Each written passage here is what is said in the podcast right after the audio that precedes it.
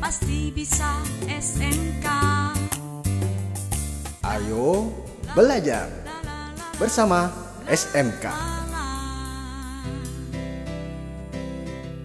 Sahabat edukasi, program Ayo Belajar kembali dalam mata pelajaran Administrasi Perkantoran.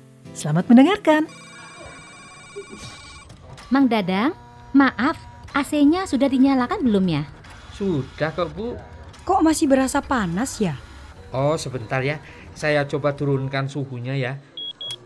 Coba tolong setting ke suhu terendah dulu saja, Mang Dadang. Oh ya, sudah Bu. Tapi sepertinya AC-nya yang rusak. Aduh, bagaimana ini? Sahabat edukasi, ada apa ya dengan AC di kantor Bu Anis dan rekan-rekannya? Lalu, apa hubungannya dengan pembahasan program Ayo Belajar kali ini? Ya, pelajaran administrasi perkantoran kali ini akan membahas tentang sarana dan prasarana dengan submateri fungsi administrasi sarana dan prasarana. Ayo kita simak bersama. Mas Fadil, AC di ruang Bu Anis rusak lagi ya? Iya, Bu. Saya sudah minta teknisi untuk mencek kondisinya. Iya, Mas. Sambil menunggu laporan dari teknisi, coba Mas Fadil tolong cek di buku inventaris mengenai riwayat pembelian AC di ruang Bu Anis dan perencanaan sarana dan prasarana di kantor ya, Mas ya? Iya, Bu. Sudah saya cek juga. AC di ruang Ibu Anis.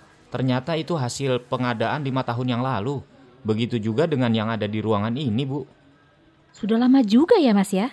Iya, Bu. AC-nya memang sudah waktunya diganti barangkali. Kalau begitu, untuk AC ini sudah masuk dalam perencanaan tahun ini belum ya, Mas ya? Sepertinya sudah, Bu.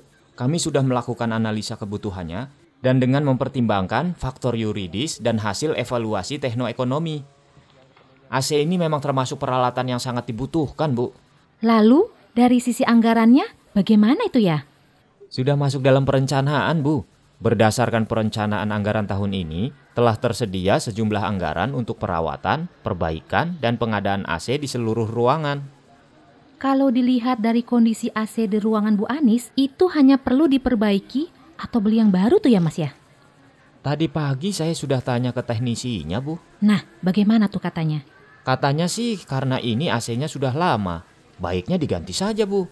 Tapi kalau masih bisa diperbaiki, kan bisa meminimalisir anggaran, Mas. Tidak juga sih, Bu. Malah biayanya bisa lebih mahal dibanding dengan membeli baru. Kok bisa ya? Soalnya AC-nya sudah cukup tua. Setelah diperbaiki, pasti hanya bisa dipakai beberapa hari saja dan harus perbaikan berulang-ulang. Jadi demi kenyamanan juga akan lebih baik langsung diganti saja, Bu. Oh, begitu. Ya sudah, kalau dengan pertimbangan seperti itu dan anggarannya juga memang tersedia, Mas Fadil tolong bantu melakukan pengadaan AC yang baru ya untuk di ruangan Bu Anis. Siap, Bu. Akan segera diproses pengadaan AC baru sekalian penggudangan AC lama.